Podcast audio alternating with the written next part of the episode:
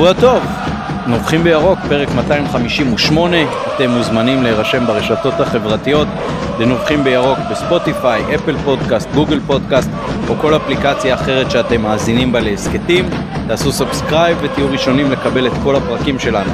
איתנו הערב אוהד מכבי נתניה, קצת אה, מתוסכל ומיוסר אולי בעת האחרונה, ניר רוזנטל, מה שלומך? אהלן, כיף להיות פה, כיף להתארח, תודה רבה. כיף גם לנו שבאת, ואיתי מתן גילאור כמובן אה, כרגיל, מה העניינים? טוב, שבוע טוב, נזכיר רק אה, לחפש אותנו גם בפייסבוק אה, ירוק 1913, ובפייסבוק נופחים בירוק ובטוויטר ירוק 1913. ואפילו באינסטגרם נכון אני לא יודע אפילו איך, איך, איך שם יונתן אברהם כרגיל נותן לנו את התמיכה הטכנית מאחורי הקלעים ונתחיל ישר בנביחות יש לנו פרק עמוס עם סיכום המשחק שהיה מול אה, סלאביה ביום חמישי והיערכות למשחק שיש מחרתיים מול אה, מכבי נתניה. אה, ניר, כאורח בוא תנבח לנו ראשון. אוקיי, okay, הנביחה שלי לא קשורה למכבי חיפה, אבל כשמכבי נתניה בשנות ה-90 הייתה בליגה הארצית, בית"ר ירושלים הייתה קבוצה ש- שאהבתי, ש- שהייתי רואה אותה, ואני זוכר את החיבור ואת ה- כמה כיף היה לראות את בית"ר ירושלים הגדולה משחקת, ועם השנים השתלטו על האוהדים של הגורמים כאלה ואחרים, ומהדבר היפה והשמח הזה נהיה היום משהו מאוד מאוד מסוכן, והייתי שמח אם איכשהו היינו, היינו מקיאים את הדבר הזה מאיתנו, מוקיעים אותו, גורמים, גורמים ליותר אוהדי בית"ר שיבואו למשחקים, לחבק אותם דווקא ברגעים האלה, לדעתי זו הזדמנות חד פעמית להחזיר את בית"ר למה שהיא הייתה פעם, והייתי שמח אם זה יקרה. נביחה חשובה מאוד ואני רוצה להגיד אה, גם אני כילד אם, אם היו שואלים אותי בימים של אה, מלמיליאן מי, מי הקבוצה השנייה שלך אז הרבה פעמים אמרתי בית"ר ירושלים ואני חושב שהקבוצה הזאת של הפמיליה שאני בכלל לא קורא לה קבוצת אוהדים וכמו שאתה אומר אני חושב שבעיקר השתלטו שם גורמים שהם הרבה מחוץ לכדורגל אה, כי זה שיח שלא היה בבית"ר של שנות ה-80 אה, ותחילת שנות התשעים שאני זוכר היטב כבר כי, כי עמדתי על דעתי בשנים ההם. אה, אני חושב שמה שבעיקר מצער זה שזה מכתים את אה, ענף הכדורגל ואוהדי הכדורגל. כי כמו שציינתי פה הרבה שנים אני חושב שהחברה הישראלית הרבה יותר אלימה ממה שהייתה ב-80's וב-90's והיא הרבה יותר גזענית בהרבה מאוד מובנים ודווקא הקהל של הכדורגל זה מקום שהוא הרבה יותר ליברלי וחופשי ונקי משיח של אה, גזענות ואלימות, לא לגמרי, אבל המצב בכדורגל אני חושב הלך והשתפר ב-20 שנה האחרונות והמצב בחברה הישראלית דווקא הידרדר. ואני חושב שלה פמיליה היא, היא אקס טריטוריה במובן הזה, אני לא חושב שנכון לגזור על אוהדי הכדורגל ממה שקורה שם, זו תופעה ייחודית, היא לא קשורה בכלל לכדורגל ולמה שקוראים אלימות וגזענות בכדורגל. להפך, היא כאילו אה, נטע זר של החברה הישראלית בתוך אוהדי הכדורגל היום, כמו שאני רואה אותם. אה, ממש מחתימים את כל הקהל ו, וזה מאוד מאוד מצער בעיניי.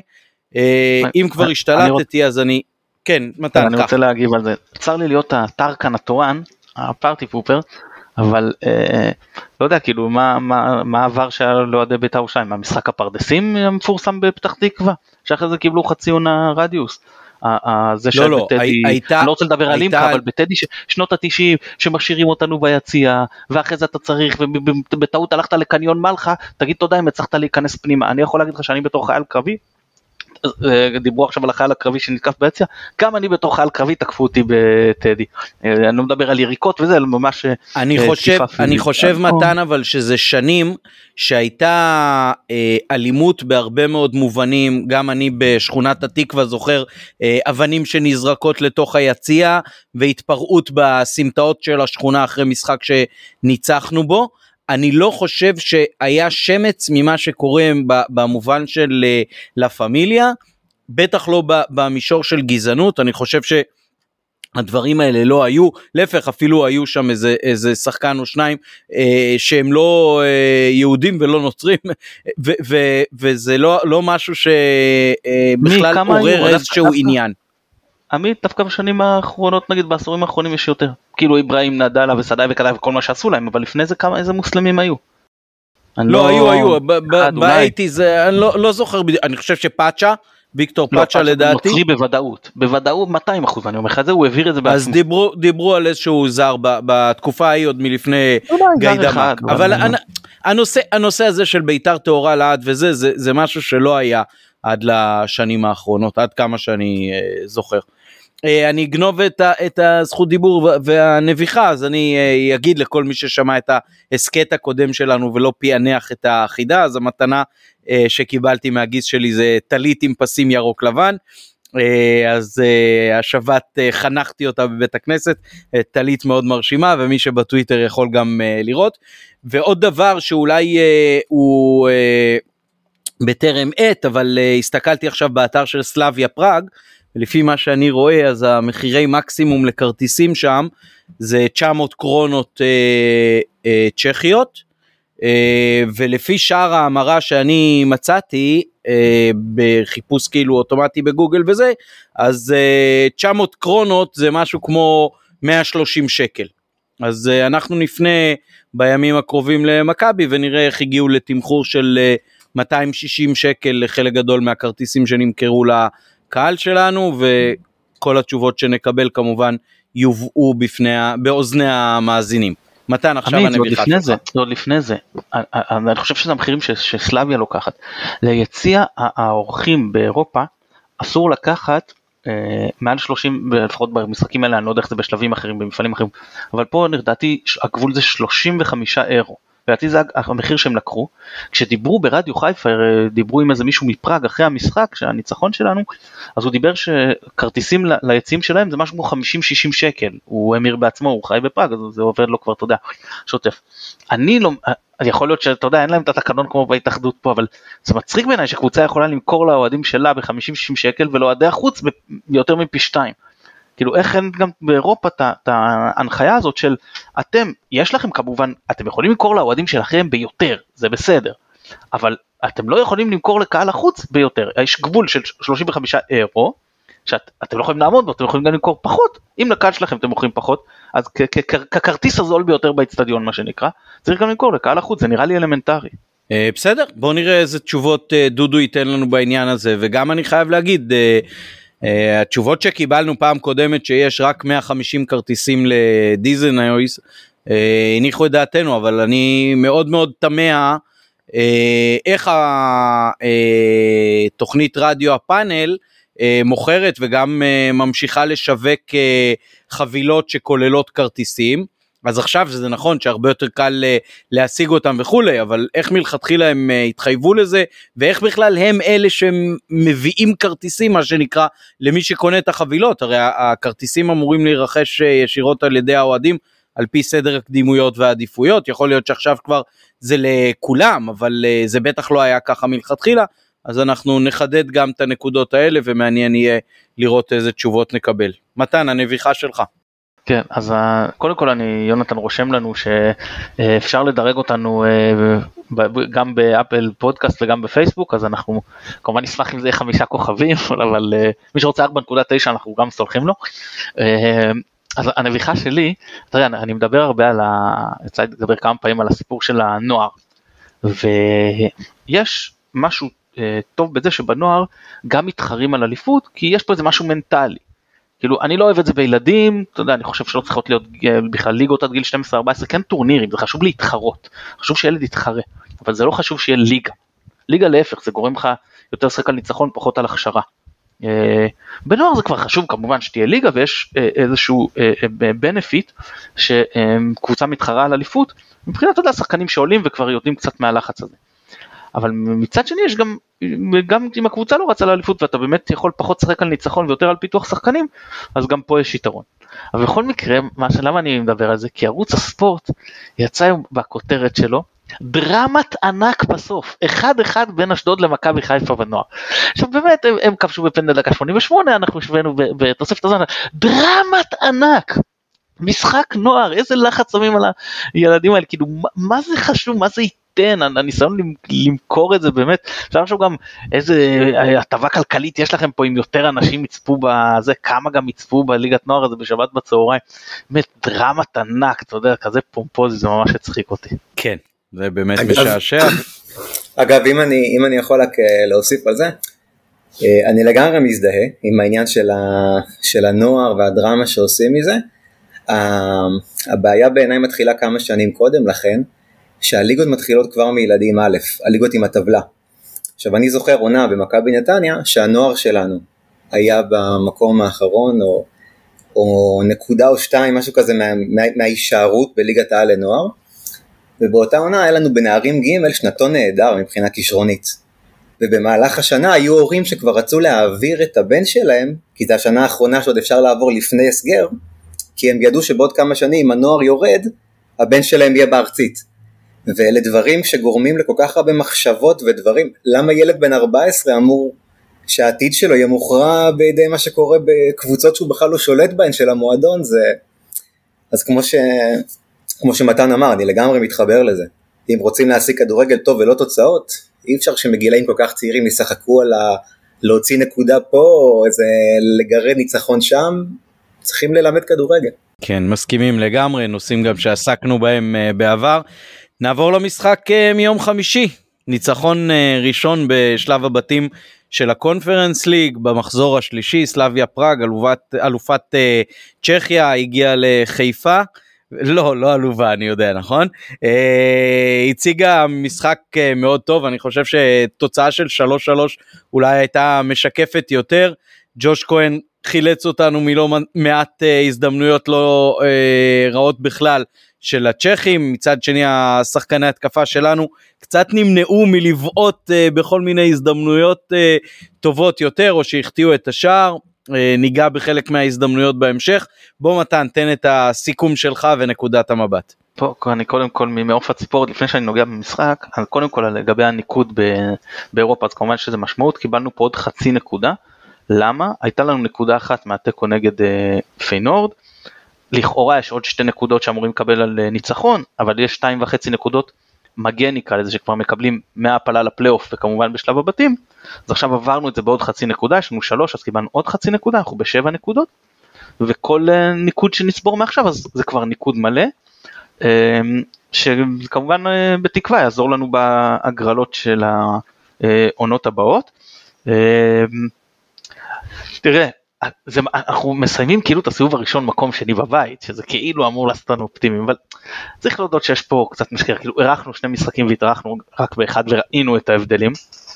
אמ, ו, וגם מי שאנחנו מתארחים אצל, אה, אה יש לנו כאילו להתארח אצל פראג שאם שם כאילו נדבר לקראת המשחק הזה נוציא נצליח לא להפסיד אפילו תוצאה של תיקו תהיה טובה שם אז אתה מגיע למצב שלכל אחד יש עוד משחק אחד בבית, משחק אחד בחוץ, שיכול שאתה מתארח אצל אה, פיינורד אחרי שכבר אין להם על מה לשחק, ואז אתה עוד איכשהו יכול לזה, אבל כל עוד זה, זה לפני המשחק בפראג אז אין יותר מדי מה להתעסק בטבלה, אבל זה טוב שאתה יודע שהשגנו את הניצחון, יש משמעות מניקוד, משמעויות גם כלכליות, אה, לא מעט כסף שמקבלים, ומצב רוח של מועדון, מומנטום, אה, יש לזה הרבה השפעות חיוביות.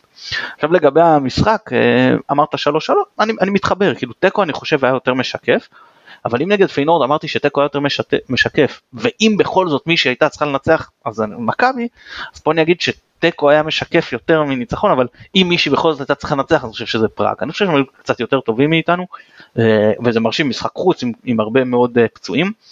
הדבר שהכי הורגש מבחינתי זה קצב מאוד גבוה, כמו שראינו את זה נגד אה, אה, פיינורד, קצב שהשחקנים שלנו לא רגילים, אני, אני באמת מסתכל כאילו גם המשחק נגד נתניה, אז אני חושב שזה טוב שזה לא כמו נגד אה, אה, ברלין שחזרנו בחמישי חוץ עם טיסה לראשון אה, לשחק בראשון אז עכשיו זה גם חמישי בבית ואתה משחק רק בשני.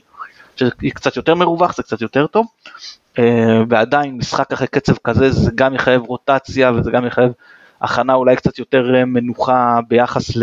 אה, אתה יודע, ללוז אימונים רגיל, כמובן שקורמי המקצוע יודעים יותר טוב ממני, אני רק מעלה את, מה ש... את המחשבות שלי. אה, אז מבחינה טקטית,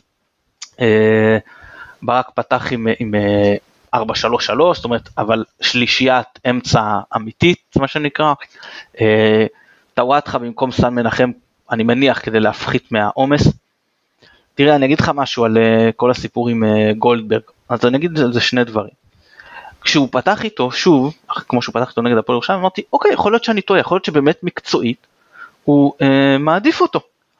אבל אז, כשהוא העדיף להכניס אה, את רמי גרשון במקום ארד הודען, אמרתי, רגע, משהו פה לא, לא, מסת, לא מסתדר לי, מה אני אגיד לך, לא מסתדר לי, אז נכון שאתה יכול להגיד שרמי גרשון בשלושה בלמים הוא כן יחסית יותר טוב, אבל עדיין להעדיף על פני, אז היה לפני הפציעה של ארד, להעדיף על פני ארד ודהן, גם בהרכב הפותח וגם את גרשון בתור מחליף, אני, אני שוב אומר, אני לא יודע בוודאות, אבל יש לי תחושה שיש פה משהו מעבר לעניין אה, מקצועי גרידה.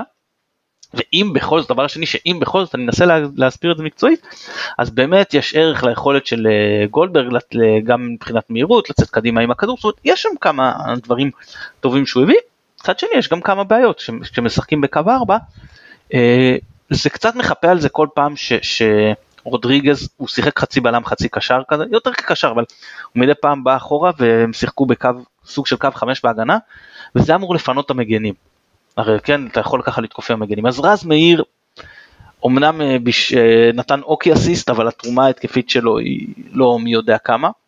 וטלב טוואטחה שלכאורה זה הטיקט שלו היה מאוד לא שאפתן התקפית, אה, הפעמים היחידות שראיתי אותו כאילו ממש עולה קדימה זה פעם אחת שהיה איזה תרגיל מקרן שהוא באמת הרים יפה, ועוד כמה פעמים שהוא עלה ללחוץ שזה דווקא היה לא יפה כי אה, העבירו את הכדור מעליו ופעמיים הוא אכל את אותו תרגיל וזה יצר בור.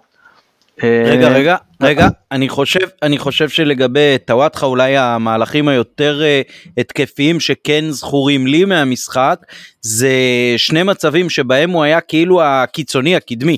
זאת אומרת שהעבירו אליו כדור באגף כשחקן שנכנס לתוך הרחבה ושם הוא היווה איזשהו סוג של איום. אני מסכים איתך שמעבר לזה את הקטע של מגן שחורך את האגף לא ראינו אותו. זהו זה, זה מה שאתה רגיל מטלב כאילו זה, על זה הוא בנה את הקריירה. אה, אז, אז לא נתן טיפית. עכשיו יכול להיות שהוא באמת היה עייף. הוא התחיל בצורה קטסטרופלית המשחק. באמת גם הגנתית נורא והוא גם לא קיבל מספיק עזרה. עשו עליו כמה פעמים 2 על 1 ולא קיבל מספיק עזרה. בהתחלה זה, זה כבר לא היה נורא אבל זה היה עדיין לא טוב והוא הצליח, הצלחנו לסחוב איתו כמה שיותר ולתת לסנטה מנוחה עד שהוא נכנס שגם הוא אגב לא היה מי יודע כמה אבל זה כבר היה נראה טיפה יותר טוב.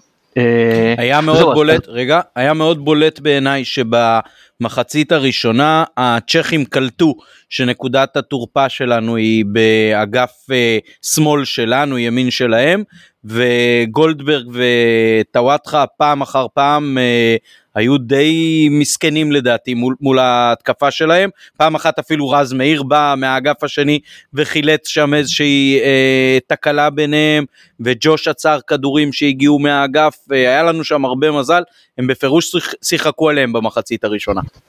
נכון, אני חושב שנדב דיבר לפני על, על העניין הזה שהם אה, תוקפים בעיקר מימין.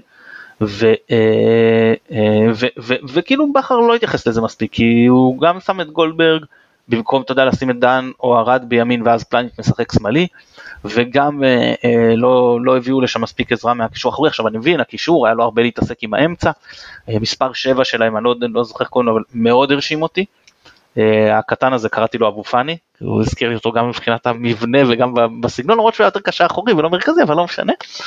אה, זהו, אני רק, אני, אה, ומקדימה שיחקו אה, אה, דוד אצילי ודוניו, שאני מניח שאצילי, נגיד במקום שרים, אני מסתכל על צד ימין, אז באמת יש לו תרומה יותר להגנה, וגם יש את העניין הזה של מצבים נייחים שהוא תורם. דוד במקום חזיזה, אני אנחש שזה קודם כל נובע ממצב הבטן של חזיזה. ודוניו במקום סער אז קודם כל דוניו שיחק טוב בירושלים, סער אה, אה, אה, פתח גם שם, אנחנו מדברים על רוטציה, וגם אני חושב בסגנון משחק כזה שהוא מציק לבלמים וזה, אה, תנועה לעומק הוא עשה טוב, קיבל כדור אחד מה שנקרא על הניקיטה והחטיא וגם נתן גול יופי, אני אגיד אה, לפני שאני אביא לך את רשות הדיבור, אני ארבעה שחקנים מבחינתי היו ממש טובים במשחק הזה, שזה קודם כל מעל כולם פלניץ' מספר אחד פשוט, אני שוב שם לב לזה, אנחנו מגיעים לאירופה והם קבוצה שאתה רואה שהם קבוצה עם יכולות פיזיות ברמה אירופאית, אתה יודע, נגיד דרג שני, והוא היחיד אצלנו שאתה לא מרגיש שהוא נחות משום בחינה בעניין, זה לא מהירות, לא כוח, ניטור, כלום, כאילו הוא פשוט פיזית הוא שם. וגם מבחינת הכדורגל כמובן, כן? אז הוא מספר אחד. מספר שתיים מבחינתי עלי מוחמד. אה, גם היה פנטסטי, אה, גם הגנתית, אה, חילוצים, אה, הבנייה של ההתקפות, הדחיפה קדימה. מספר 3 זה ג'וש כהן, ציינת אותו, עצירה אחת ואינסטינקט שהוא לא ראה את הכדור, באמת משהו יוצא מהכלל, הזכיר לי דוידוביץ' בעצירה הזאת, ומספר 4 זה דוניו. אלה מבחינתי הארבעה ש, שהיו uh, טובים, אני מודה שמהישראלים לצערי הייתי פחות מרוצה, אם כי ביחס לציפיות כן הייתי מרוצה עם מחמוד ג'אבר, אבל אם אני מסתכל על זה כאילו אובייקטיבית ואני רוצה לקבל משהו משחקן בהרכב של מכבי, בלי להגיד עכשיו, עכשיו שהציפיות שלי ממנו יותר נמוכות, אז אני לא חושב שגם הוא היה מספיק טוב. אוקיי okay, אז טוב אז uh, באמת uh, השארת לי ככה כמה נקודות לדבר uh, אחד לגבי ג'וש כהן אז uh, שנינו הזכרנו אותו הוא גם היה בשער נבחרת המחזור של הקונפרנס ליג. אני חושב שהמחצית הראשונה הייתה די מדהימה, זאת אומרת בחלק הראשון ממש הצלחנו גם ללחוץ את ההגנה שלהם וגם לחטוף הרבה מאוד כדורים. אני חושב שבקטע הזה פעם ראשונה אולי התלהבתי ממחמוד ג'אבר אה, מסוג משחק של אה, מין עלוקה כזאת כמו אה, שנטע ואבו פאני כבר אה, מוכרים מאוד אה, ואצלו לדעתי זה עוד לא היה ממש הטיקט הזה אז גם מול שחקנים אירופאים חזקים יותר והכל, הוא בא, הציק, הפריע, חטף כדורים, זה היה מאוד מאוד uh, מרשים מבחינתי, גם ההזדמנות כמובן שהוא הגיע אליה, אפילו שכמו uh, הרבה מאוד הזדמנויות אחרות, גם של uh, חזיזה, uh, הם ירדו לטמיון, uh, וגם הקורה של דוניו כמובן, אבל uh, בכל זאת גם להגיע למצבים מהעמדה הזאת לדעתי זה מרשים. Uh, אני חושב שדוניו היה מצוין ראו שפיזית, גם מבחינת מהירות, גם מבחינת כוח, גם מבחינת אפילו אה, טכניקה של אה, איך להחזיק את הגוף מול השחקני הגנה שלהם, הוא הצליח לחטוף כדורים, הוא רץ לכדורים שנראים אבודים לגמרי והוא משתלט עליהם. אה, זה סוג הפעלתנות שאנחנו רוצים מהחלוץ שלנו, בטח במשחק כזה שבאמת כל כדור יכול אה, להכריע, משחקים מול קבוצות אירופאיות יש לנו הרבה פחות מצבים, אנחנו מחזיקים את הכדור הרבה פחות, אין לנו את הלוקסוס מה שנקרא לוותר על שום דבר אה, ודוניו לדעתי עשה את זה מצוין במשחק הזה כולל איזשהו אה, העברת כדור נדמה לי שזה היה לחזיזה רגע אחרי שהוא אה, נכנס שלא יצא מזה כלום אבל אה, הוא עשה את זה ממש ממש אה, יפה. ניצלנו יפה שנייה, את. הדריבל של כן. שנייה שנייה אני רוצה להתייחס לשתי הנקודות שהעלית עכשיו כדי שאני לא אשכח ואז תמשיך אז אחד לגבי מחמוד ג'אבר אני רק אגיד אני אתן לו פה איזה הנחה היה נראה ואמר לי את זה אה, בן דוד שלי ביציע שהם ראו את המשחק נגד הפועל ירושלים וכאילו זה, זה מה שהנחה אותם. הם שמו עליו נתנו לו תשומת לב של שמירה משני שחקנים שכל הזמן אחד היה כאילו כל הזמן במחצית הראשונה אחד מהם לפחות היה צמוד אליו. זה היה מדהים אתה אומר כאילו השחקן שמבחינתנו הוא אחד הפחות מסוכנים התקפית וקיבל כל כך הרבה תשומת לב אתה אומר הם עשו scouting ראו את המשחק האחרון של מכבי והתנהגו בהתאם. אז שחקן שנכנס לעומק שם צמד איך לא תתייחס אליו? אז זה באמת היה מאוד מאוד uh, משעשע לראות uh, ככה את זה עובד והוא גם נתן אני חושב שהוא גם נתן את הכדור לדוניו בהחמצה, נכון? אם אני לא טועה. אה, אה, יופי של כדור. ולגבי אה, דוניו, מה שאמרת, כן, אבל אני אגיד לך גם לא, כי היה כדור שהיה לוז בול, שהיה כאילו כמעט יצא שם לקרן, ועד שבכל זאת הוא החליט לרוץ.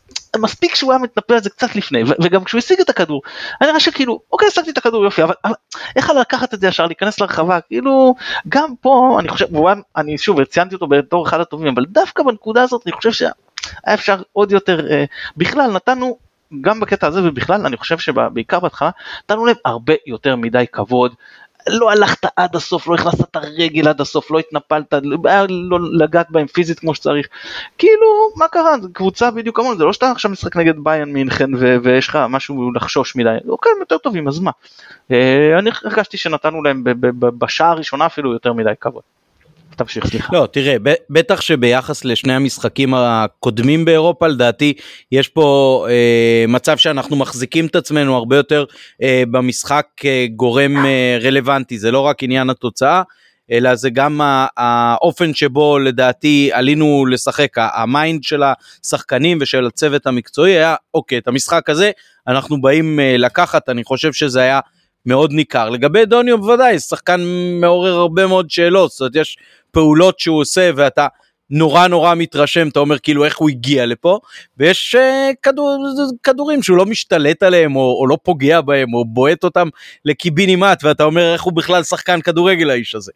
אז uh, בסדר, אנחנו כנראה, זה, זה מה שיש לנו כרגע, צריך לזכור שגם בעונה הקודמת וגם קצת עכשיו הוא די הזר השישי מה שנקרא, לפחות uh, על הנייר ו- ולפני שאחרים נפצעים. Uh, ובעונה שעברה כשהוא כבר קיבל uh, על בסיס קבוע הזדמנויות אז הוא פרש שטרות אז אני מקווה ש, שגם השנה זה לא ייפול uh, ממה שהיה שם. אני חושב שהניצול של הדריבל של עלי מוחמד בשער uh, הוא משהו שהקבוצה צריכה הרבה יותר להשתמש בו. זאת אומרת הנשק הזה של פיצוח הגנה באמצעות דריבל באמת באמת פנטסטי. Uh, זה משהו ש, שחייב להפוך גם ל, לכלי של uh, בישולים. זה נכון שהוא לא בועט לשער, אבל לבשל לא צריכה להיות בעיה. התבנית ההתקפית נקרא לזה, ש, של מה שיצא בשער, זה משהו שצריך uh, לנסות אותו לפחות פעמיים שלוש בכל משחק. יש לו את המיומנות, יש לו את הכושר, יש לו את ההבנת משחק uh, לעשות את זה, אני חושב שזה כלי uh, חשוב מאוד מאוד. השלישייה של ה... זה נקודה מאוד חשובה, העלית אותה והיא חשובה וכל הכבוד לך ואני רוצה להתייחס אליה. אני אמרתי לפני העונה שיש לנו שני דריבליסטים שהם ברמה גבוהה, שזה עלי מוחמד ודולב חזיזה. ולהם אתה רואה שזה עובד גם באירופה. אומרת, אתה רואה ש- שהם יודעים לעשות את הדריבל. והדריבליסטים, הדרג ב' נקרא לזה, אצילי, שרי, אתה רואה שמה שעובד להם בליגה לא עובד באירופה. כמה פעמים הם ניסו לחתוך לאמצע במשחק הזה? בשחקנים, ודיברתי על זה גם בברלין, כאילו שולחים את הרגל ומוצאים, כי זה, הם, הם, הדריבל שלהם לא מספיק טוב ואין מה לעשות. עכשיו יש להם הרבה מאוד איכויות, הם, הם מוסרים מחוננים, יודעים להרים, יודעים, רואים את המשחק. ו- צריכים להבין שבמשחקים באירופה להשאיר את הדריבל לשחקנים, לדריבליסטים השבועה הראשונה כמו שאמרת עלי מוחמד ואני אוסיף דולב חזיזה ולשחק על היתרונות האחרים שלהם כי כשהם באים לדריבל זה סתם אובדן כדור שהרבה פעמים גם מוציא את היריבה למתפרצת וזה מיותר.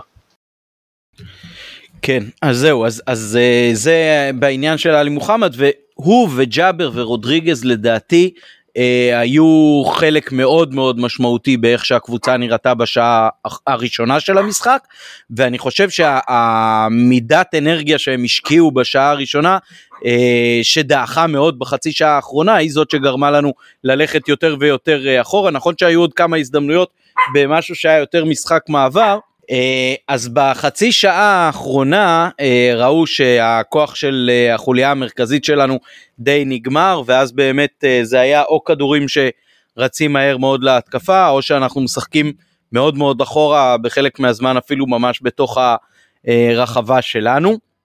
אל תפתור פה את בכר, אל תפתור פה את בכר עם החילוף רוני לוי שלו, אל תפתור אותו. זה לא רק האנרגיה שלהם. לא השארת את השלישייה אז, אז בואו נדבר על האנרגיה שהייתה שלישייה. כל עוד הייתה שלישייה נראינו אה, אה, גם כשהם אה, הלכו קדימה אנחנו לא לא התגוננו לא עמדנו 30 מטר מהשאר. החילוף רוני לוי הזה הביא אותם להיות פשוט הרבה יותר מסוכנים בסוף. הוא פשוט היה גרוע. ואני לא אוהב את החילופים האלה בכלל. אה, אוקיי, יכול להיות שזה, שזה באמת זה, צריך אה, לשים לב שהחוליה שבאמת לא רועננה והיה פחות אה, כוחות גם ממה לרענן אותה, הייתה החוליה המרכזית. עכשיו עוד שני דברים שרשמתי לעצמי תחת הכותרת רואים בעיקר באיצטדיון, אז הראשון זה משהו שלדעת, אני לא יודע אם הייתה התייחסות לזה בשידור של המשחק, התקציר הוא נורא נורא קצר וזה בכלל מאוד מאוד uh, מבאס. אני לא מבין כאילו פעם היה מגבלה של uh, ערוץ אחד וכמה אפשר להקצות לתקציר של כל קבוצה אבל עכשיו כשהכל uh, בענן אז מה הבעיה לעשות תקציר של שלוש דקות רק של הגולים ותקציר של uh, עשר דקות uh, למי שרוצה ותקציר של חצי שעה ומשחק מלא? כאילו באמת לא, לא מבין את זה גם לאף אחד אין זכויות לדעתי לעשות את זה, אז זה אה, ממש מבאס מהבחינה הזאת, אבל... ב-NBA, ב-NBA, ב-NBA יש שני תקצירים, יש תקציר של דקה, שת, בין דקה לשתיים, שתיים וחצי דקות, זה התקציר של המשחק, ויש תקציר full highlights, שזה עשר דקות בערך. כן, אז אה, ממשחק כזה בטח יש מה להוציא לפחות לעשר דקות, לא מכל משחק, אבל בטח משחק כזה, כאילו מה, מה הבעיה הגדולה כבר. אז, אז אני מגיע פה למשהו שאני ראיתי ואני לא יודע אם עוד אנשים אה, ראו מחוץ לאצטדיון, במחצית השנייה אה, שחקן שלנו נפל על הדשא, לא זוכר כבר מי, והכדור המשיך במשחק והכדור הגיע לג'וש כהן, וג'וש כהן אה, בעט אותו וניסה למסור לאחד השחקנים שלנו, והכדור יצא ימינה. ואז נכנס הצוות הרפואי וטיפלו בשחקן שלנו ששכב על הדשא, וכל השתיים שלוש דקות האלה שהם מטפלים בהם, בשחקן, אז אצילי משוחח עם שחקני היריבה, ומסביר להם שג'וש כהן בעט החוצה בשביל אה, לאפשר את הטיפול הרפואי. ממש מנסה לשדל אותם ולשכנע אותם. אתה רואה תנועות ביטול שהם כאילו אומרים לו תגיד אתה אידיוט, אבל זה היה כל כך מצחיק וזה משהו שממש ממש רואים רק, זה היה מתחת לצד המזרחי של האיצטדיון, והוא ממש עבר ככה כמו רוכל בין שחקן לשחקן ואמר תחזירו לנו, תחזירו לנו. זה היה ממש ממש משעשע. מעבר לזה, אני לא יודע עד כמה ראו, אבל uh, נדמה לי שרודריגז ניסה ללחוץ לו יד כשהוא uh, יצא להחלפה, ו... Uh, הוא ככה אה, עשה לו מין תנועת ביטול כזאת, זה משהו שהאחיין שלי אה, הסב את תשומת ליבי תוך כדי משחק, ואחר כך באמת כשהוא יצא אה, מעבר לקווים אז הוא גם אה, בעט באיזשהו בקבוק מים שהיה שם על המשטח. אה, ועוד דבר אחד ככה ממש מהזווית האישית שלי, אה, מזמן מזמן לא היה משחק שכל המחצית השנייה אין דקה אחת על השעון שלא ראיתי אותה. ראיתי את הדקה 46 וראיתי שהשעון מראה 47 ו-48, פשוט כל, כל מהלך הסתכלתי על השעון כמה זמן עבר, זה היה אה, מורט עצבים, קצת הזכיר לי גם את הניצחון בזמנו 1-0 על אה, צסקה מוסקבה, ששם הגול היה קצת יותר מוקדם בדקה 13 נדמה לי, אה, ובגמר הגביע של 2016 שגם גררנו 1-0 אה, הרבה מאוד דקות, שם נדמה לי בדקה 36 הכנסנו את הגול. אה, ניצחון מתוק שזוכרים אותו הרבה זמן, אנחנו אה, קצת חלוקים על המשקל של המשחק הזה מול המשחקים בליגה וזה, אני אומר, כל עוד הליגה לא ממש בסיומה ויש עוד הרבה זמן מה לתקן, החוויות האלה מאירופה הן אה, הרבה יותר משמעותיות בעיניי וזה לדעתי משחקים שזוכרים למשך שנים. אה, וזה היה מאוד מאוד אה, מרשים וכיף ומרגש. אה, ועכשיו אה, רגע לפני שאנחנו עוברים לנתח את המשחק אה, מול נתניה ביום שני, אז ניתן את אה, רשות הדיבור גם לאורח עם נקודת המבט שלו. אמ, לא, רציתי לשאול איך זה להוביל 1-0 בסמי עופר ולשמור על זה, כי חוויה שלנו זה לחטוף שוויון דקה 83 ולבכות. אז זה טוב לשמוע ככה שגם אפשר לנצח 1-0.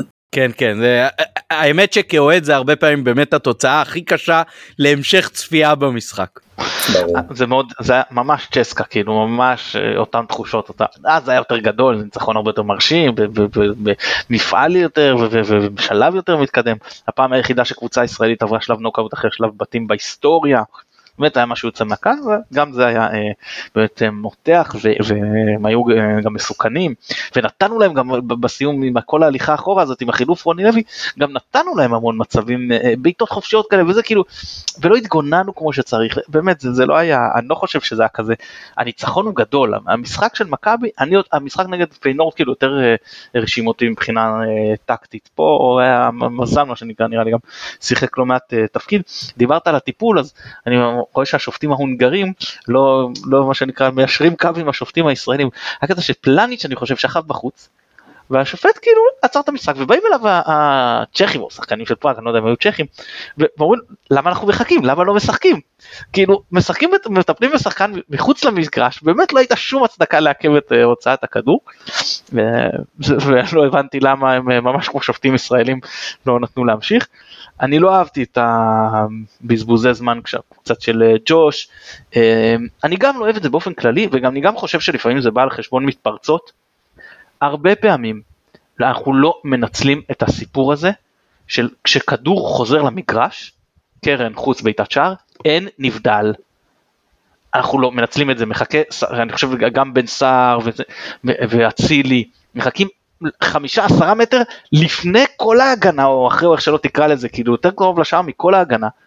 ואני לא יודע אולי ג'וש לא מגיע אבל תעיף את הכדור לכיוון כאילו פשוט כמה שיותר חזק ובתקווה שהם יגיעו אליו ראשונים כי אין נבדל ו... וחבל ש... שלא ניצלו את, העניין הזה.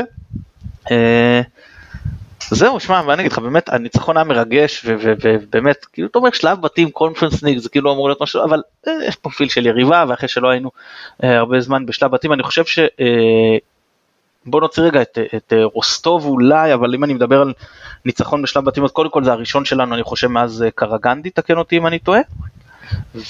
ואם אתה גם מסתכל על קבוצה שהיא כאילו גם מדורגת מעלינו, אז אני חושב שזה הראשון מאז בוקרשט.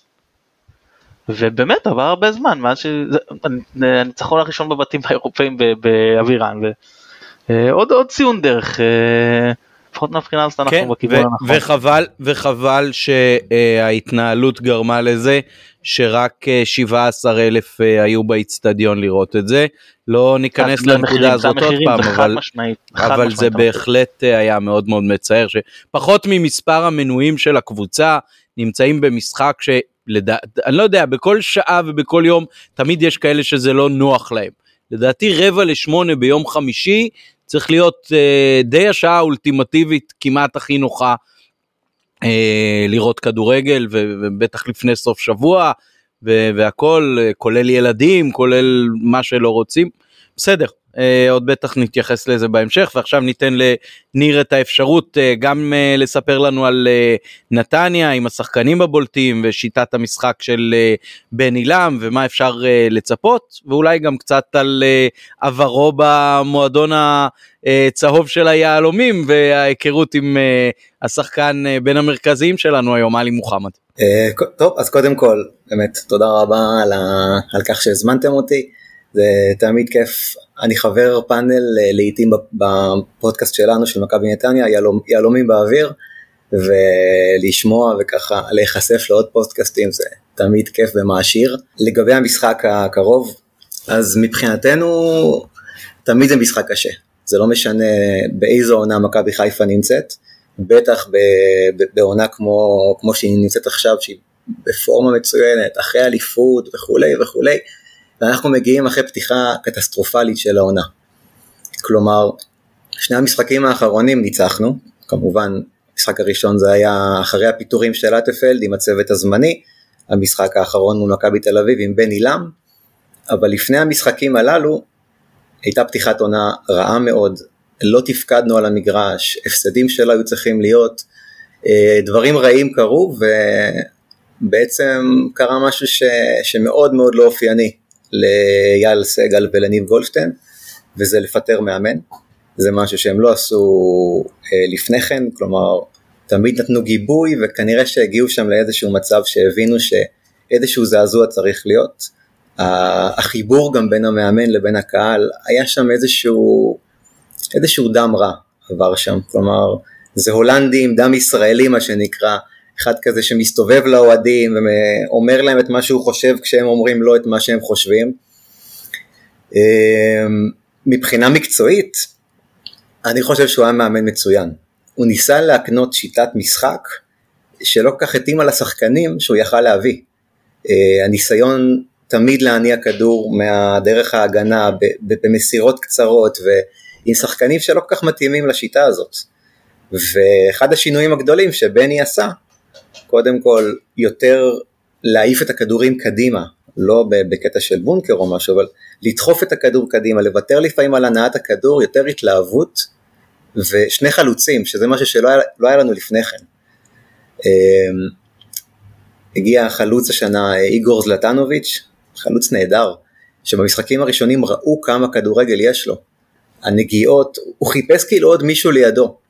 וגם בניצחון מול סכנין וגם במשחק האחרון, ברגע שהיה חלוץ נוסף לידו, שזה יניב מזרחי, זה יכול להיות גויגון לפעמים, הדברים שהוא מביא הם דברים יפים מאוד, ובתור אוהד אני מאוד מקווה שה, שהדברים ימשיכו, כי אנחנו קבוצה בעונה שיכולה לתת רביעייה למכבי תל אביב, יכולים לקבל רביעייה גם אה, בסמי עופר, אבל החיבור עכשיו בין הקהל לבין הקבוצה הוא שונה, אני באמת מאמין, גם בקטע רומנטי, שבן עילם זה משהו שמתאים לנו. כלומר, זה כן ככה להכניס את, ה, את הווינרים של נת, נתניה של פעם. וזה משהו שהיה חסר קצת. ואם הדברים האלה באמת יתחברו כמו שעכשיו, בטח עם ההיכרות שלו עם שחקני נוער, גם העבר שלו במכבי חיפה בתור uh, מאמן הנוער שם. לדעתי בטח בקבוצה צעירה כמו מכבי נתניה, הידע שלו, שאומרים אה הוא אימן רק נוער, מה הוא יודע? לדעתי דווקא מהסיבה הזאת, הוא יודע איך לדבר עם השחקנים, כי אנחנו הקבוצה לדעתי הצעירה ביותר בליגה מבחינת ממוצע גילאים, וזה מאוד חשוב. נזכיר שאירחנו אותו בפרק 163 ואת בן עילם ואתם כמובן מוזמנים אה, לחזור ולהאזין לפרק הזה. כן. Uh, אתה רוצה לספר לנו קצת על uh, איזה תפקידים בעבר עשית במועדון ואיך יצא לך להכיר את עלי מוחמד וההתרשמות האישית ממנו? כן, אני הגעתי למועדון קצת לפני שהתחיל הפירוק, כלומר בתקופה של אוסידון מה שהיה, ואז מהר מאוד התפטרתי, עשינו את ה... היינו חלק מהמחאה, ברגע שאייל רכש את המועדון ב-2016, אז הוא החזיר אותי והחזיר עוד כמה חבר'ה, שבעצם אני הייתי אחראי על קשרי הקהילה של המועדון, אה, מערך הדוברות, לאחר מכן הייתי גם דובר לעיתים, ובסביבות 2018 זה היה התפקיד האחרון, שזה היה אה, יועץ תקשורת, בעיקר עבודה עם, עם השחקנים, הצוות המקצועי, אה, אבל לפני הכל, אוהד של הקבוצה מגיל אפס, כלומר העבודה במועדון זה, זה היה יותר בשביל הנפש מאשר בשביל הכיס זה בטוח. וכן זו גם מכבי נתניה הנוכחית. כלומר רוב מי שנמצא שם זה אנשים שהם הגיעו מאיזושהי זיקה למועדון ומשהו שהוא מאוד ניכר לדעתי. חלק מהעבודה שלי גם כמובן היו כמה שחקנים שנשארנו בקשר. ביניהם זה עלי מוחמד שעושה חיל היום אצלכם ולבוא ועכשיו להגיד פה כל מיני דברים על כמה הוא מקצוען ורץ וזה, זה קלישאות, ברור שהוא מקצוען. אה, אבל מדובר באחד השחקנים הכי טובים לדעתי שיש בליגה היום מבחינת אישיות. אה, אני זוכר במכבי נתניה שלא היה מישהו במועדון שהוא מגיע בבוקר אז תמיד אומר אה, בוקר טוב ומה שלומך ומתעניין ואכפת לו והוא מגיע לכל האירועים שמזמינים אותו לא בקטע פוליטי אלא כי באמת אכפת לו והוא רוצה לשמח לא שותה טיפת אלכוהול, ואפילו אני זוכר אותו שהיה מגיע ל... לאימונים של הנוער, סתם בזמנו החופשי, לראות איך משחקים, לתת מדי פעם טיפים לשחקנים, יש בו מין צניעות כזאת ושקט נפשי, דברים שהוא עושה על המגרש לדעתי זה מגיע רק משם, הוא לא מוציא מילה מחוץ למגרש. זה אישיות ממש יוצאת דופן. תודה ניר. אה, מתן, איך אתה רואה את ההתמודדות מול אה, נתניה? אתה ממליץ לבכר להמשיך עם אה, הקשרים המרכזיים שהביאו לו את הניצחון אה, ביום חמישי? אה, אולי שנייה לפני זה הייתי שמח אם ניר אה, יכול שני דברים. אחד אני אשמח לשמוע איך מבחינת התחושה הייתה, תאר לנו קצת את ההרגשה הזאת של אתם מפגרים 2-1. נותנים את השוויון המדהים הזה, המשחק מתחדש, מרוויחים כדור, רצים למתפרצת ונותנים גם את השלישי, בוא תספר קצת את החוויות מהיציע. אה, אוקיי, אז רק מזה שעכשיו אה, הזכרת את זה, יש לי פה אור ברווז ביריחיים ממש. אה, אני במשחק הזה הייתי בגרמניה, ראיתי אותו בטלוויזיה, וניסיתי שם לא לצעוק כדי להבהיל את כל אורחי המלון. זה היה מאוד uh, מרגש, כלומר כל המשפחה שלי ביציע וכל הזמן ככה מדברים והייתה אנרגיה, באמת כמו שאמרתי קודם, uh, אני יודע איך בני מדבר עם שחקנים, אומרים עליו שהוא מוטיבטור יתר וכל הדברים האלה, אבל יש לו גם הרבה מאוד את, ה, את היכולת לזהות מתי אפשר לנתב את הטירוף למשהו חיובי. ודווקא כשירדנו בפיגור 2-1 הייתה לי תחושה טובה. וכשחזרנו למחצית השנייה, ראו גם שאחרי השוויון הייתה לי תחושה שניתנת את העוד אחד כי פתאום הכל מתחבר וכשהכל מתחבר זה, זה הולך טוב. באותה מידה יכולנו גם לקבל שם את השלוש אחד והיינו מדברים אחרת, אבל זה בדיוק הכוונה שלי שזו מין עונה כזאת שעם מאמן כמו בני אנחנו לפעמים נתפוצץ, לפעמים נפסיד, אבל נהיה מכבי נתניה, לא ננסה להיות משהו שהיום במגבלות שלנו אנחנו לא יכולים להיות, אנחנו לא ברצלונה, אנחנו לא יכולים להניע את הכדור, מנצ'סטר סיטי שמניעים אותו מהשוער עד ההתקפה, אין לנו את השחקנים ואת היכולת להביא שחקנים כאלה כרגע. אמ, מה הייתה השאלה השנייה, סליחה? מה ההרכב הצפוי כשאתה לקראת אה, שני? אמ, יש לנו בעיה קשה בהגנה, אה, אלמוג כהן לא בטוח עדיין שהוא יהיה כשיר, שיר צדק לא בטוח שיהיה כשיר, ורז שלמה הורחק. אה, ככה שיש שם הרבה מאוד אלתורים. אני מניח, שה...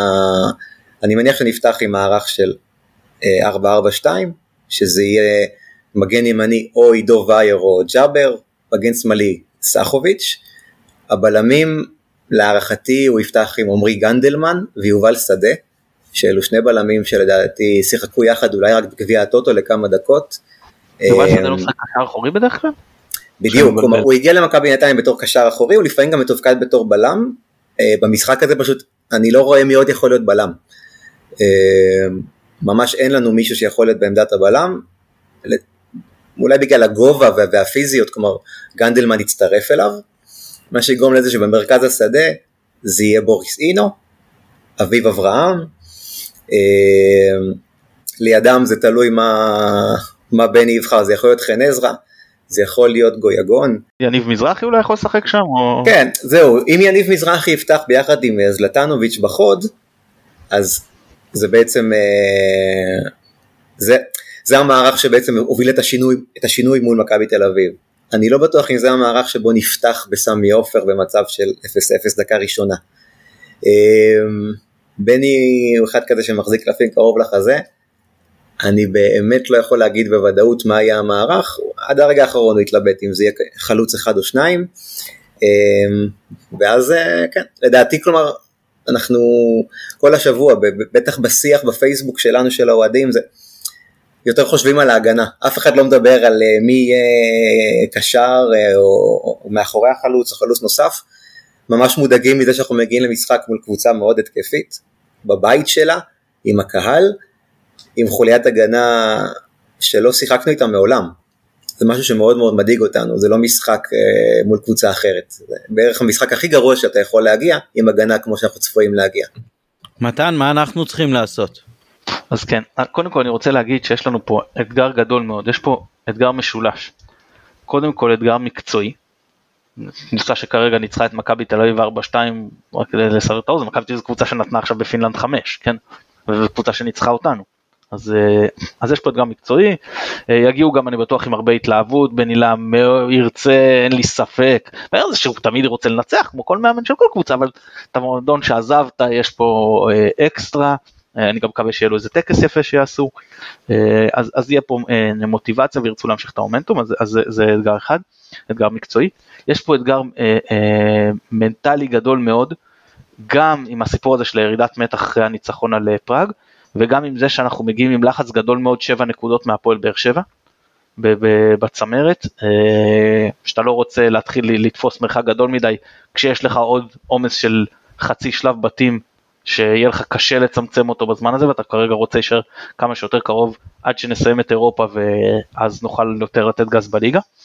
והאתגר השלישי הוא אתגר פיזי.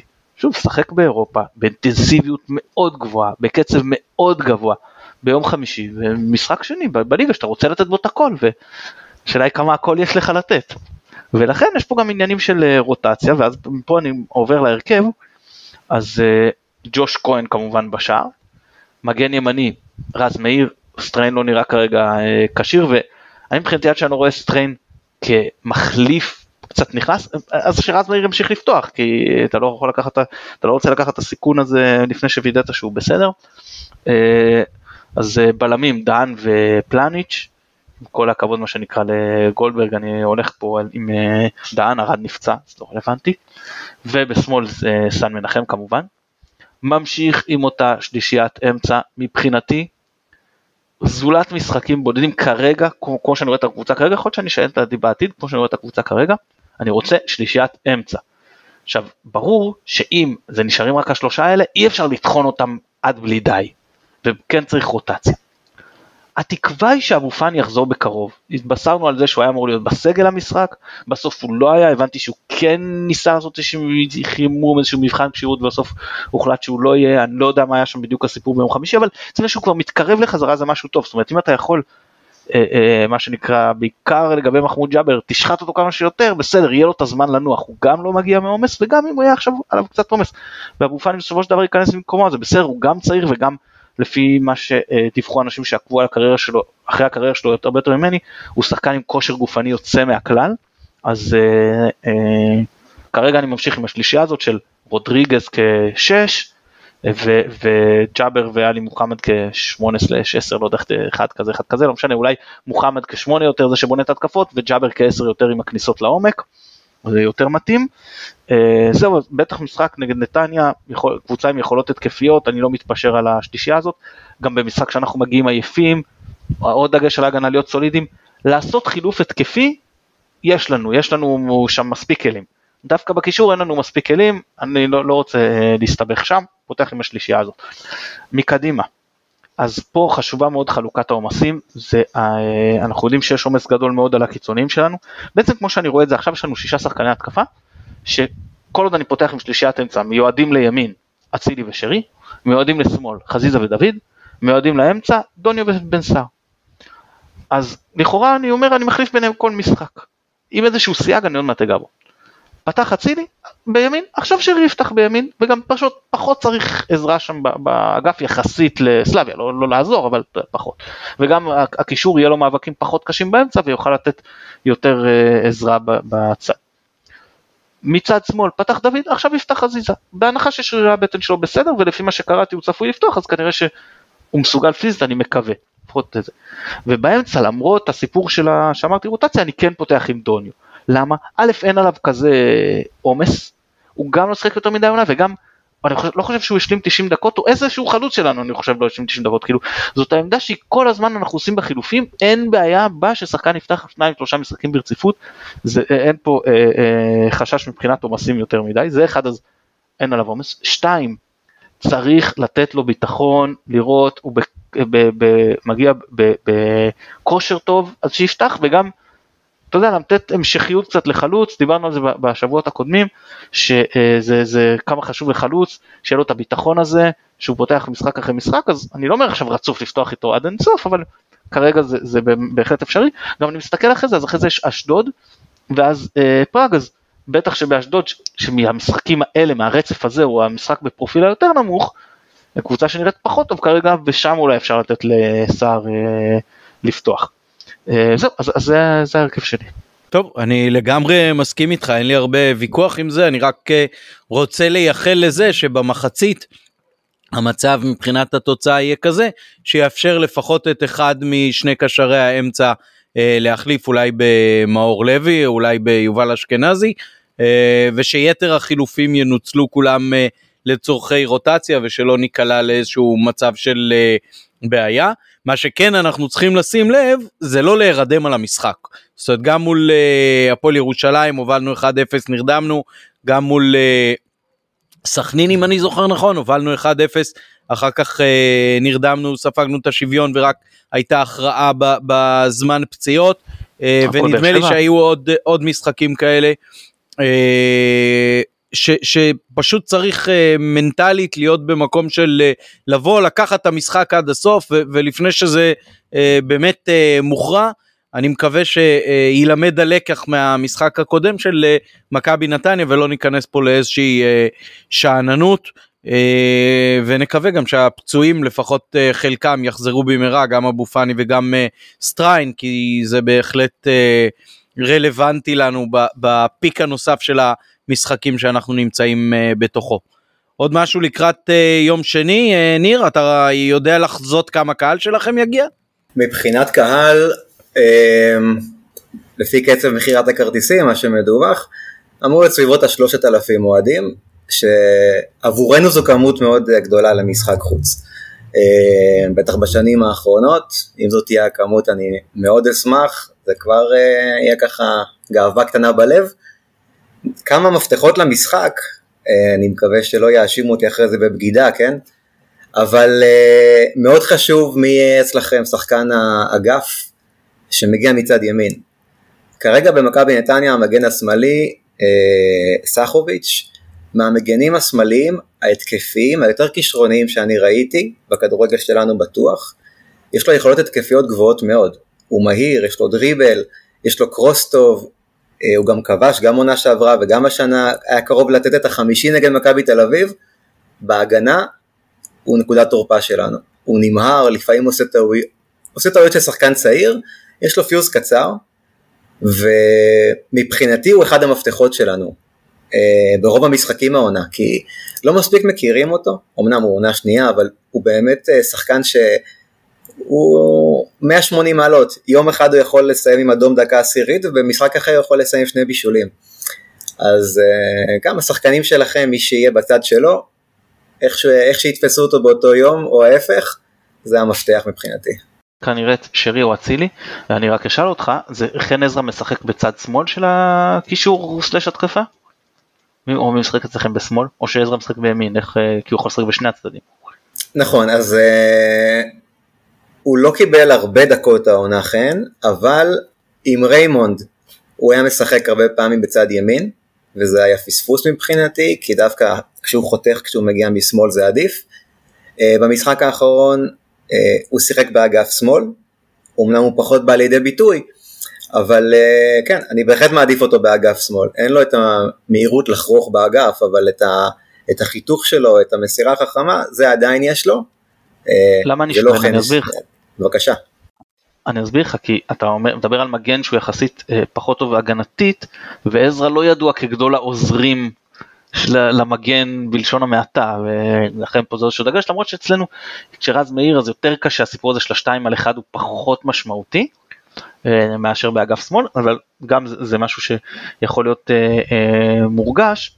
אבל אה, אה, באמת עזרא אם אתה אומר שני שחקני אבל מצד שני יש גם צד השני זאת אומרת ששניהם שחקני התקפה טובים על הקו ובעיקר ששחוביץ' אני מניח שחק יותר על הקו ועזרא על החיתוכים לאמצע מה שאצלנו אנחנו גם רואים את זה בשני האגפים ואז יצטרכו לתת אה, עזרה לרז מאיר כי פה הסיפור של 2 על 1 שראינו את זה בכמה משחקים כבר העונה כן יכול לבוא לידי ביטוי אה, לטובת נתניה. מה שאני רוצה לשאול אותך זה איך הם, הם אה, לא ראיתי את המחצית הראשונה כי אז חזרתי מטדי ואז ראיתי רק את המחצית השנייה שלכם ובעיקר מחצית הראשונה איך הם הסתדרו עם קואבס כי הוא משחק באגף, שיחק באגף ימין ואז אתה אומר מגן שהוא פחות טוב הגנתית וכן עזרא שפחות עוזר מעניין אותי איך הם אה, עכשיו המצ'אפ הזה עבד.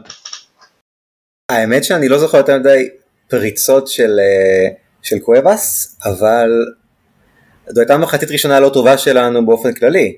אה, הרבה דברים לא עבדו שם.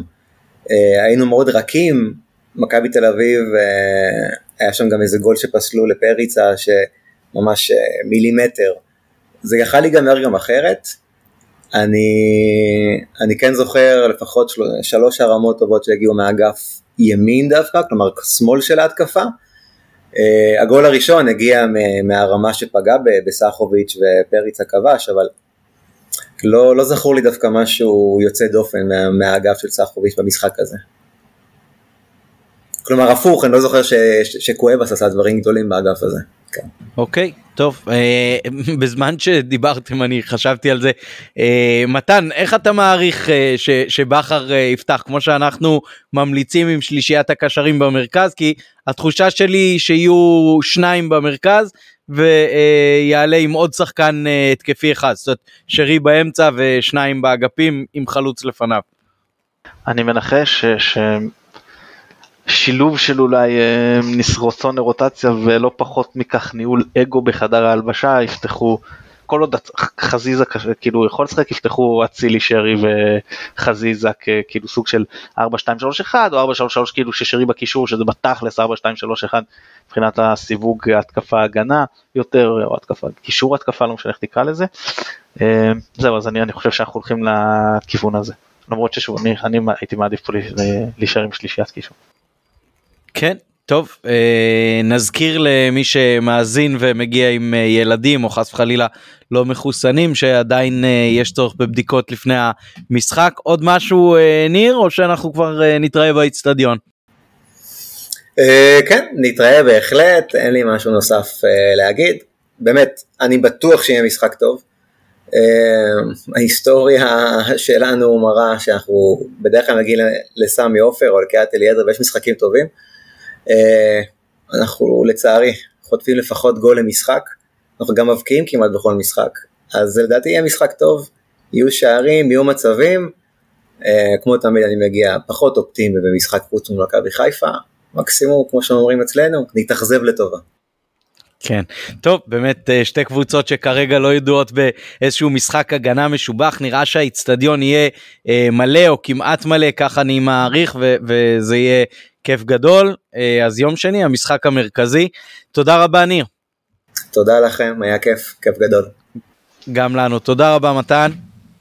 תודה, אני רק אציין, עמית דיברת על הכמות קהל, אז באמת הפעם מכבי יצא עם מחירים של 50 שקלים לילדים, חיילים ונשים אה, מאחורי השער, כאילו גם נוער, כל הכבוד וזה באמת אני מקווה יגרום לאצטדיון שיהיה כמעט מלא בעיקר אם נתניה ממלאים את יציע החוץ אז אני מקווה שנגיע בדרך לשם אווירה טובה. רוב יתר היציעים אני אומר אה, מכורים למנויים אז אה, למלא גם את הדרומי זה בהחלט יהיה כיף גדול אה, טבעת אדם סביב האצטדיון סביב המגרש. כן, אני רק, אתה יודע, לא עשינו פינת נושא, אבל סתם אני רוצה לציין איזשהו אה, משחק, אולי במישור שלך תקרא לזה אנטי ניחוסון, שהגיע אה, נתניה למשחק אצלנו בקריית אליעזר, באמת שתי הקבוצות באו לנצח וזה, והם בסופו של דבר ניצחו 3-2, אני חושב ששכטר היה משחק מצוין, אפילו חושב שהם קיבלו איזה אדום, ואנחנו שיחקנו אבל כל כך טוב באותו משחק, שהייתה, זה, אני חושב שזה היה ב-2008-2009, תפוס אותי במילה, ואנחנו שיחקנו כל כך טוב שהייתה הרגשה שזאת הפעם הראשונה דווקא בהפסד שהרגשתי, אתם יודעים מה, יש סיכוי שניקח את האליפות העונה. וזהו, היה משחק ממש מצוין באותו, אם אני זוכר נכון. זה היה במחזור התשיעי ב-2008-2009. אה, זוכר את המשחק הזה מצוין, היינו ב, ביציע שמאחורי השער.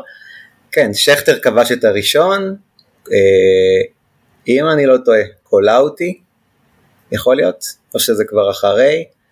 לא, לא סליחה, אה, לא, לא, לא, לא, לא, לא, סליחה, סליחה, סליחה, החלוץ שלכם בדרום אפריקה, באותה עונה? פנטיני, בדיוק, סליחה, סליחה, סליחה, פנטיני השווה, ואחר כך לנו היה עוד צמד של שלו מנשה. וחיימוביץ', אחר כך היה שחקן שלכם שצימק, אני כבר לא זוכר מי, ותזמת... אני חושב רפאלו ואני לא בטוח. יש מצב, אבל תזמת הורחק אצלנו, דקה 70 ככה, ואז שטראובר לדעתי שכב על הדשא, עד עכשיו לדעתי הוא שוכב שם. אני מקווה שהודיעו כבר שבונים שם, אבל הוא, הוא שכב, בעיקר שכב, כן. כן, גם הבנייה שם כבר הסתיימה, אי אפשר לראות שום, שום דבר ממה שהיה. אה, מחיקה של ההיסטוריה.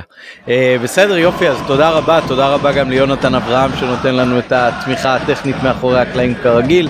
אה, אני הייתי עמית פרלה שיהיה לכם שבוע טוב וירוק עולה.